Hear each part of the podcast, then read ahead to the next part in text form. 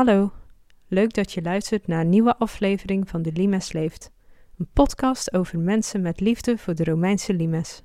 Mijn naam is Deborah en dit is deel 2 van het interview met Marenne Zandstra, conservator archeologie in Museum het Valkhof. Welke troepen waren langs de limes in Nederland gelegerd in de eerste eeuw na Christus? Op inscripties kun je soms zien waar soldaten vandaan kwamen, maar de schriftelijke bronnen zijn beperkt. Daarom heeft Marenne in haar proefschrift Miles Away from Home drie archeologische bronnen onderzocht. De eerste categorie is graffiti, oftewel ingekraste namen. De tweede categorie is militaria, onderdeel van uitrusting, maar ook paardentuig. En de derde categorie zijn de fibulae, oftewel kledingspelden.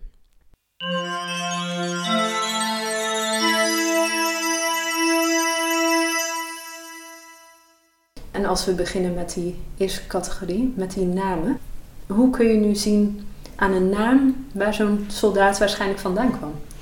Tegenwoordig hebben we gelukkig een grote dataverzameling die beschikbaar is gemaakt. En kan je aan de verspreiding van namen zien of er bepaalde concentraties zijn die uh, significant zijn. Je hebt de hele gangbare namen, Victor bijvoorbeeld. Die zijn zo gangbaar, die komen overal voor, daar kan je niet echt iets aan afleiden. Maar neem je een naam als Hahukus, die wij kennen van de schildknop. Dat is echt een, een naam van lokale afkomst, zo Keltisch-Germaans, die hoek. En dan weet je al van oké, dat is niet iemand uit Zuid-Spanje. En zo zijn er een aantal uh, categorieën te herkennen. En um, je ziet dan dat bepaalde namen een bepaalde uh, concentratie hebben. Uit Velzen bijvoorbeeld daar was een scherf en daar, uh, of daar is een scherf moet ik zeggen. en er staan een paar letters nog op ingekrast. Hij is wel afgebroken, maar er zijn een aantal letters bewaard gebleven. En heel lang dacht men dat daar Bataaf stond. Dus de, de, de, eerste paar letters van de, de aanduiding Batavus. En die is dan ook lang gezien als de aanwijzing van ja, we hebben hier een uh, Bataaf in het Romeinse leger. Maar als je nog eens goed naar de scherf kijkt, dan zie je dat die letter A, de eerste letter A, is anders dan die andere letter A. Want die andere letter A is eigenlijk een O. En dan kom je op een hele andere naam uit. En ik denk dat er, dat er de naam Bato heeft gestaan en dan wel in de genitief is. Maar Bato is een naam die een heel sterke concentratie heeft in het Balkangebied. En het bleek dat er onder de andere voorwerpen die daar in Velsen gevonden zijn, nog een paar objecten waren die een herkomst hebben in dat gebied. Er is een, eh, een stukje gordelbeslag gevonden van vrouwelijke klederdracht uit dat Noorisch-Pannonische gebied. En ook een fibula die uh, heel goed in een traditie past die daar populair was. Dus als je die puzzelstukjes bij elkaar legt, dan denk je ja, ik heb hier toch aanwijzingen voor een man en een vrouw blijkbaar. Uit dat, dat Balkangebied die dan naar Velsen zijn gekomen. En als je dan wat verder gaat kijken, dan zie je dat dat ook wel goed zou kunnen passen. Want uit de schriftelijke bronnen blijkt dat uh, na de Pannonische opstand uh, in het eerste decennium na Christus, tussen 6 en 9 als ik het wel heb, dat er dan een uh, grote troepenbeweging is. Dat er mensen vandaar ingelijfd worden en dan onder andere naar het noorden gestuurd worden. En zo ja, verandert een Bataaf opeens in een Pannonier die mijlenver van huis is.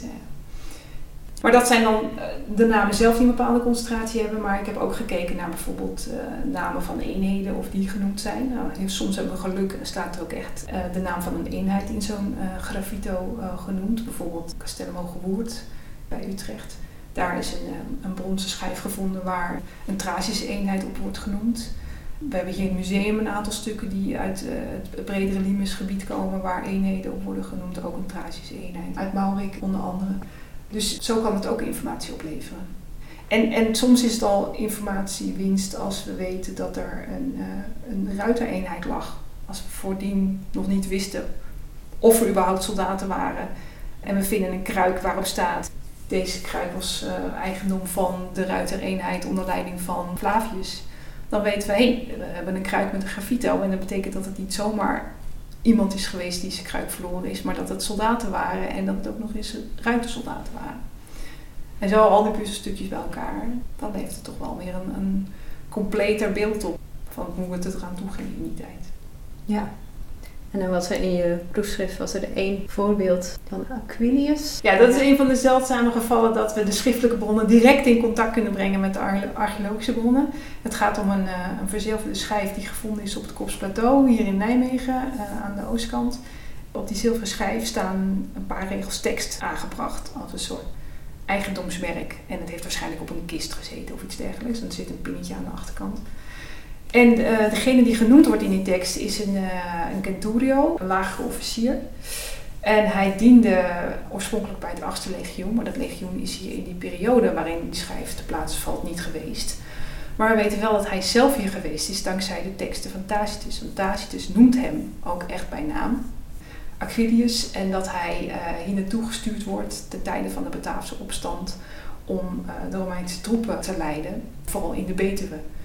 En dan komt het opeens, dan past het stukje echt perfect in het andere stukje informatie dat we hebben. Dus dan hebben we die persoon uh, in twee bronnen tegelijkertijd. En dan is iets wat tot nu toe, nou voor mij althans, die, die zo'n, als je zo'n verhaal van Tacitus leest, dan is het misschien toch een beetje ver weg. Dat je denkt, ja, is het wel echt zo gegaan? En wat voor informatie had hij dan? Klopt dat een beetje? En dan blijkt het gewoon dat die persoon hier echt geweest is. En uh, ja, of die zijn kist nou verloren is of dat hij ehm, gestorven is en de, de, kist nooit meer op heeft kunnen halen, dat weten we niet. Zover ging Tacitus niet. Maar het is wel heel mooi dat die, die twee stukjes dan op elkaar aansluiten.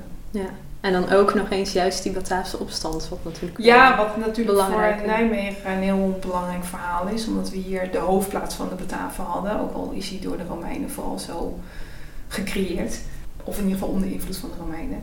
En, en dat we dat dan ook nog ja, met de Kopsplateau in verband kunnen brengen, wat, wat ophoudt te bestaan als commandopost na 70. Dus het is dan heel mooi dat dat soort elementen op elkaar aansluiten dan. Ja. De tweede categorie van je onderzoek waren inderdaad de militaria. En daar heb je een bijzonder voorbeeldje van meegenomen, zie Ik zal wat proberen te beschrijven. We zien hier een, een soort uh, ring met een diameter van pakweg 10 centimeter. En die ring is uh, onderbroken. Er zit een opstaand oog aan het ene uiteinde. En aan de andere kant zit een uh, punt die daar doorheen kan steken. En daar zit dan nog een, uh, een klein gaatje in waardoor je hem kan zekeren zodat hij vast zit. Nou, voor mijn onderzoek was ik onder andere op zoek naar bijzondere militaria aan paardentuig waarmee ik misschien bepaalde groepen mensen kon herkennen. En tijdens mijn onderzoek was ik onder andere in het museum in in Gallup in Duitsland. En daar zag ik een reconstructie van een paardenkop met een ring om zijn onderkaak. En dat was precies zo'n ring zoals hier op tafel ligt. En het grappige is dat dit, dit stuk hier bijvoorbeeld stond in de inventaris van het museum als armband. Met ring en vogelkop type met oog om pin door te laten stond er dan bij. Maar het is dus geen armband. Het is ook een beetje een lompe armband als je het zo ziet. Uh, met zo'n groot opstaand oog. Het is dus een paardenbit geweest. En toen ik verder ging zoeken, ontdekte ik er nog een paar. Op het Kopsplateau heb ik er een aantal gevonden in het bestand. En daar stonden ze soms zelfs als kluisten om slaven vast te zetten. Dus als uh, handboei. Dus dan kijk je in de database en toen ben ik gaan zoeken, oké, handboei, hm, misschien is dat er dan één. En dan vraag je of je mag zien en dan blijkt het hetzelfde ding te zijn. En zo is er ook eentje in Vechten en er zijn er uh, in, in Noise heb je ze ook, minstens één. En zo bleken er dus meer te zijn dan alleen die stukken die in Gallup gevonden waren. Dus dankzij mijn bezoekje aan het museum in Gallup ging opeens uh, een lampje branden van... hé, hey, hier heb ik misschien wel iets wat ook in de rest van het Nederrijnse gebied te vinden is. En dit is dus een paardenbit gebruikt door, ik denk wel een beperkte groep mensen, want het is een, niet prettig geweest voor het paard. Dit is echt uh, heel ruw en um, het wordt tegenwoordig nog steeds wel gebruikt, maar dan vooral bij, bij lastige renpaarden geloof ik. Maar het is niet aan te raden. Het is nogal dieronvriendelijk. Maar je kan je voorstellen dat in een gevechtssituatie, als je een paard moet dwingen om uh, iets gevaarlijks te doen, dat je dan grove middelen in moet zetten. Nu is de vraag, wie, wie reed nou met zo'n paardenbit? Het is niet iets van hier, want anders hadden we in rurale nederzettingen op het platteland wel uh, dit soort typen teruggevonden, misschien wel in vroeger tijd. Maar zo'n ringvormig type kennen we wel uit de voor-Romeinse tijd, maar ook echt een flink stuk ervoor uit Spanje. En een paar in eh, de hoek van weer een beetje richting het oosten, dus uh, Balkan en Thracië, die hoek. Dus ja, als ik mijn geld zou moeten inzetten, zou ik dat op Spanje doen op dit moment. Maar het is zeker niet iets typisch Romeins geweest. Het is, het is een bepaalde groep mensen die binnen het Romeinse leger wel gediend hebben, maar die nog een stuk paardentuig hebben meegenomen waarmee ze gewend waren te rijden en gebruiken in de strijd. En um, ja, Gallup, eh, uit Gallup was het dus al bekend omdat ze daar ook echt bij een paard gevonden zijn. Dat paard was gesneuveld in de strijd, is in een kuil begraven, maar nog met het, bit om zijn mond, anders hadden we het niet geweten. En uh, ja, wie weet duiken er nog wel meer op. Ik hoop dat mensen mijn proefschrift lezen en gaan kijken in hun eigen depot en zien, hé, hey, ik heb ze ook liggen. Dus ja, wie weet komen we er dan wel achter. Dat vind ik ook het mooie aan archeologie. Het blijft in ontwikkeling. Want er kan steeds weer een vondst komen die het ofwel op zijn kop zet, of het juist bevestigt, of net dat misschien een stukje aanbiedt. Uh, dat, dat maakt het heel spannend.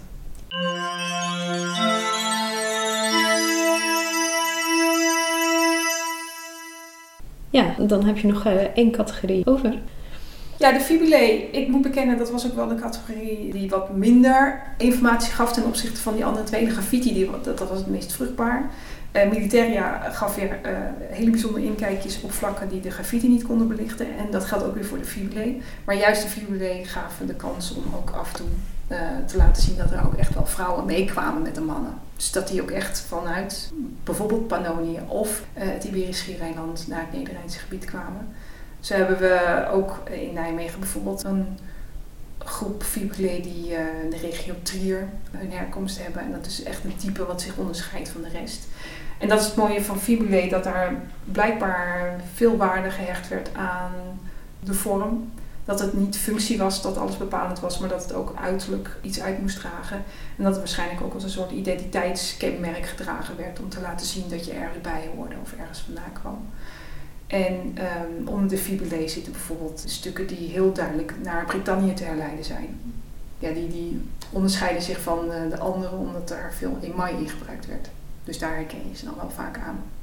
Waarschijnlijk wel iets later dan 100 na Christus. Maar uh, het is wel grappig dat je die echt als een aparte groep eruit kan halen. Wat ik gaandeweg mijn onderzoek ook ontdekte was dat uh, met dank aan Stijn dat de omega-fibula, in de vorm van omega zo genoemd, dat die een sterke concentratie hebben op het Iberisch Schiereiland. Dankzij een studie van een, een archeoloog daar blijkt dat daar opvallend veel van dat soort type fibula voorkomt. En het lijkt erop dat die daar dus misschien wel vandaan gekomen zijn. En met soldaten die vanuit het Iberisch dan naar deze regio komen, dat die dan hier uh, zijn beland.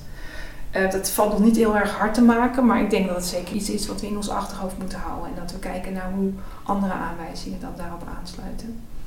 Ja, nee, het was wel heel mooi dat je daar ook de vrouwen dan eindelijk eens in beeld krijgt. Want het leger was meer dan alleen maar mannen. Uh, er kwamen ook vrouwen en kinderen mee. En ook al mochten ze officieel niet trouwen, dat betekent niet dat er geen vrouwen en kinderen waren. Ik herinner me nog één mooie fibula trouwens die daarnet aanwees mm -hmm. uh, in het museum. Dat was een zilveren fibula, ja, die, volgens mij. Die half, uh, half ronde. Half ronde, ja, dat was wel...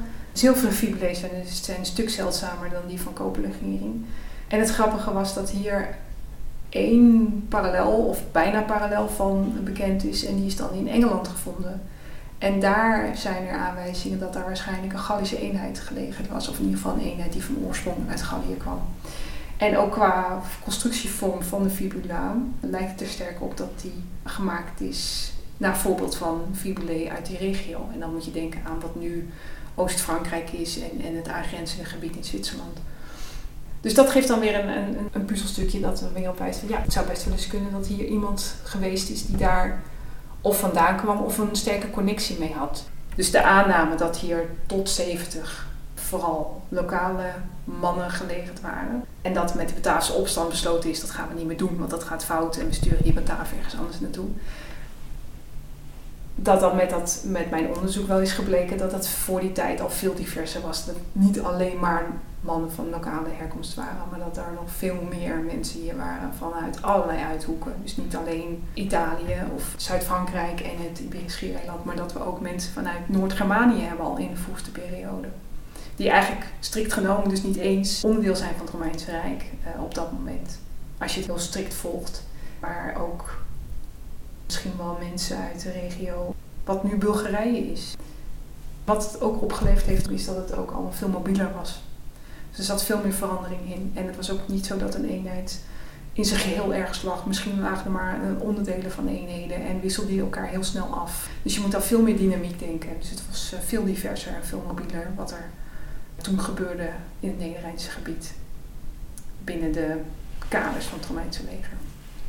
En nu als conservator hier in het museum, mag je daar dan ook mee aan de slag met nieuwe uitkomsten, misschien uit dat proefschrift? Jazeker, ja. Ik heb het geluk dat het uh, volgend jaar uh, ook bij ons Limesjaar is, in de hoop dat de nominatie Werelderfgoed wordt. We hebben besloten om een, um, een tentoonstelling te wijden aan het thema Limes, maar dan wel uh, met een heel specifieke focus op migratie. En daarbij willen we ook heel nadrukkelijk de lijn doortrekken naar nu. En letten op wat migratie toen betekende en wat migratie nu betekent. Of daar dingen gemeenschappelijk zijn of juist niet, de, de, de verschillende overeenkomsten. En zien hoe, ja, wat dat voor mensen betekend heeft. Dat er misschien keuzes gemaakt werden in wat ze meenamen van thuis. Of wat ze lieten overkomen van thuis. Elementen waaraan vastgehouden werd, die expres in ere werden gehouden om, om die herinnering misschien wel vast te houden. Ja, ik denken aan bijvoorbeeld bepaalde etenswaren die je graag dan nog eet, ook al is het iets wat hier normaal helemaal niet uh, gebruikelijk was. Of misschien bepaalde voorwerpen, bepaalde kledingstijlen. Dus daar mag ik mee aan de slag. En die tentoonstelling is volgend najaar, dus eh, in 2021. Eh, en dat is heel spannend dat ik meteen, of meteen, maar ik mag wat ik geleerd heb in mijn onderzoek ook echt nu in een tentoonstelling gaan omzetten. En de objecten die ik al in handen heb gehad voor mijn onderzoek mogen een plekje krijgen in de tentoonstelling en aangevuld met andere stukken. Ook heel nadrukkelijk met moderne kunst, dus dat is heel spannend om dat, uh, om dat nu zo uh, bij elkaar te brengen en te zien wat dat oplevert. En tenslotte, stel dat we inderdaad de Nedergermaanse limes werelderfgoed wordt, mm -hmm. dan wordt het Valkhof voor de provincie Gelderland wordt volgens mij het bezoekerscentrum. Ja, wij, wij, wij, worden dan ook, of wij krijgen dan ook een Limes Hub, zoals dat heet. Ja, het is de, dat is het, het, voornemen en wij willen dat dan wel mooi gaan inpassen in onze nieuwe uh, uiterlijk, want het museum wordt verbouwd en uh, de Limes wordt daarin gepast. En het idee is dat er dus in verschillende plekken in Nederland langs de Limes van die centrale punten komen waar mensen naartoe kunnen gaan om van daaruit de Limes te gaan verkennen in die regio. En dat betekent dat die plekken ook allemaal uh, een, een, stukje gemeenschappelijk verhaal hebben. Dat je op elke plek weet van oké, dit is het gemeenschappelijke verhaal. En dat wordt dan aangevuld met de kenmerken voor die regio. Je kan je voorstellen dat als je naar het westen gaat, uh, dat daar een ander verhaal wordt verteld dan hier, omdat daar andere vondsten zijn gedaan. Ze hebben daar het geluk dat er heel veel hout bewaard is gebleven. Denk aan de schepen ook die daar uh, gevonden zijn. Hier in Gelderland zijn ook schepen gevonden, maar die zijn misschien niet direct met de Limes in verband te brengen en worden daarom ook niet getoond als zodanig en zijn ook in een minder goede toestand. Uh, maar hier hebben we weer andere kenmerken die we kunnen vertellen. We kunnen hier bijvoorbeeld over die vroegste geschiedenis vertellen. En we kunnen ook vertellen over de, nou, bijvoorbeeld de productie van um, aardewerk, wat hier uh, bijvoorbeeld in de heel goed te volgen is en waar nog de sporen van te zien zijn. Dus zo heeft elke, elke plek binnen Nederland en langs de Limes uh, een gemeenschappelijk verhaal, maar ook zijn eigen unieke kenmerken. En die worden in die Limes hubs gecombineerd. En die van ons zal passen binnen het nieuwe plaatje van Museum het Valkhof. Ik ben heel benieuwd. Ja, wij ook. Even nog een jaartje wachten. Ja, het zijn spannende tijden en dan is de Limes hub misschien nog niet helemaal klaar, want de verbouwing heeft wel wat meer voet in de aarde. Maar uh, ik, beloof je dat het zeker een mooi verhaal gaat worden en dat het uh, de moeite waard zal zijn om naar uh, Nijmegen te komen.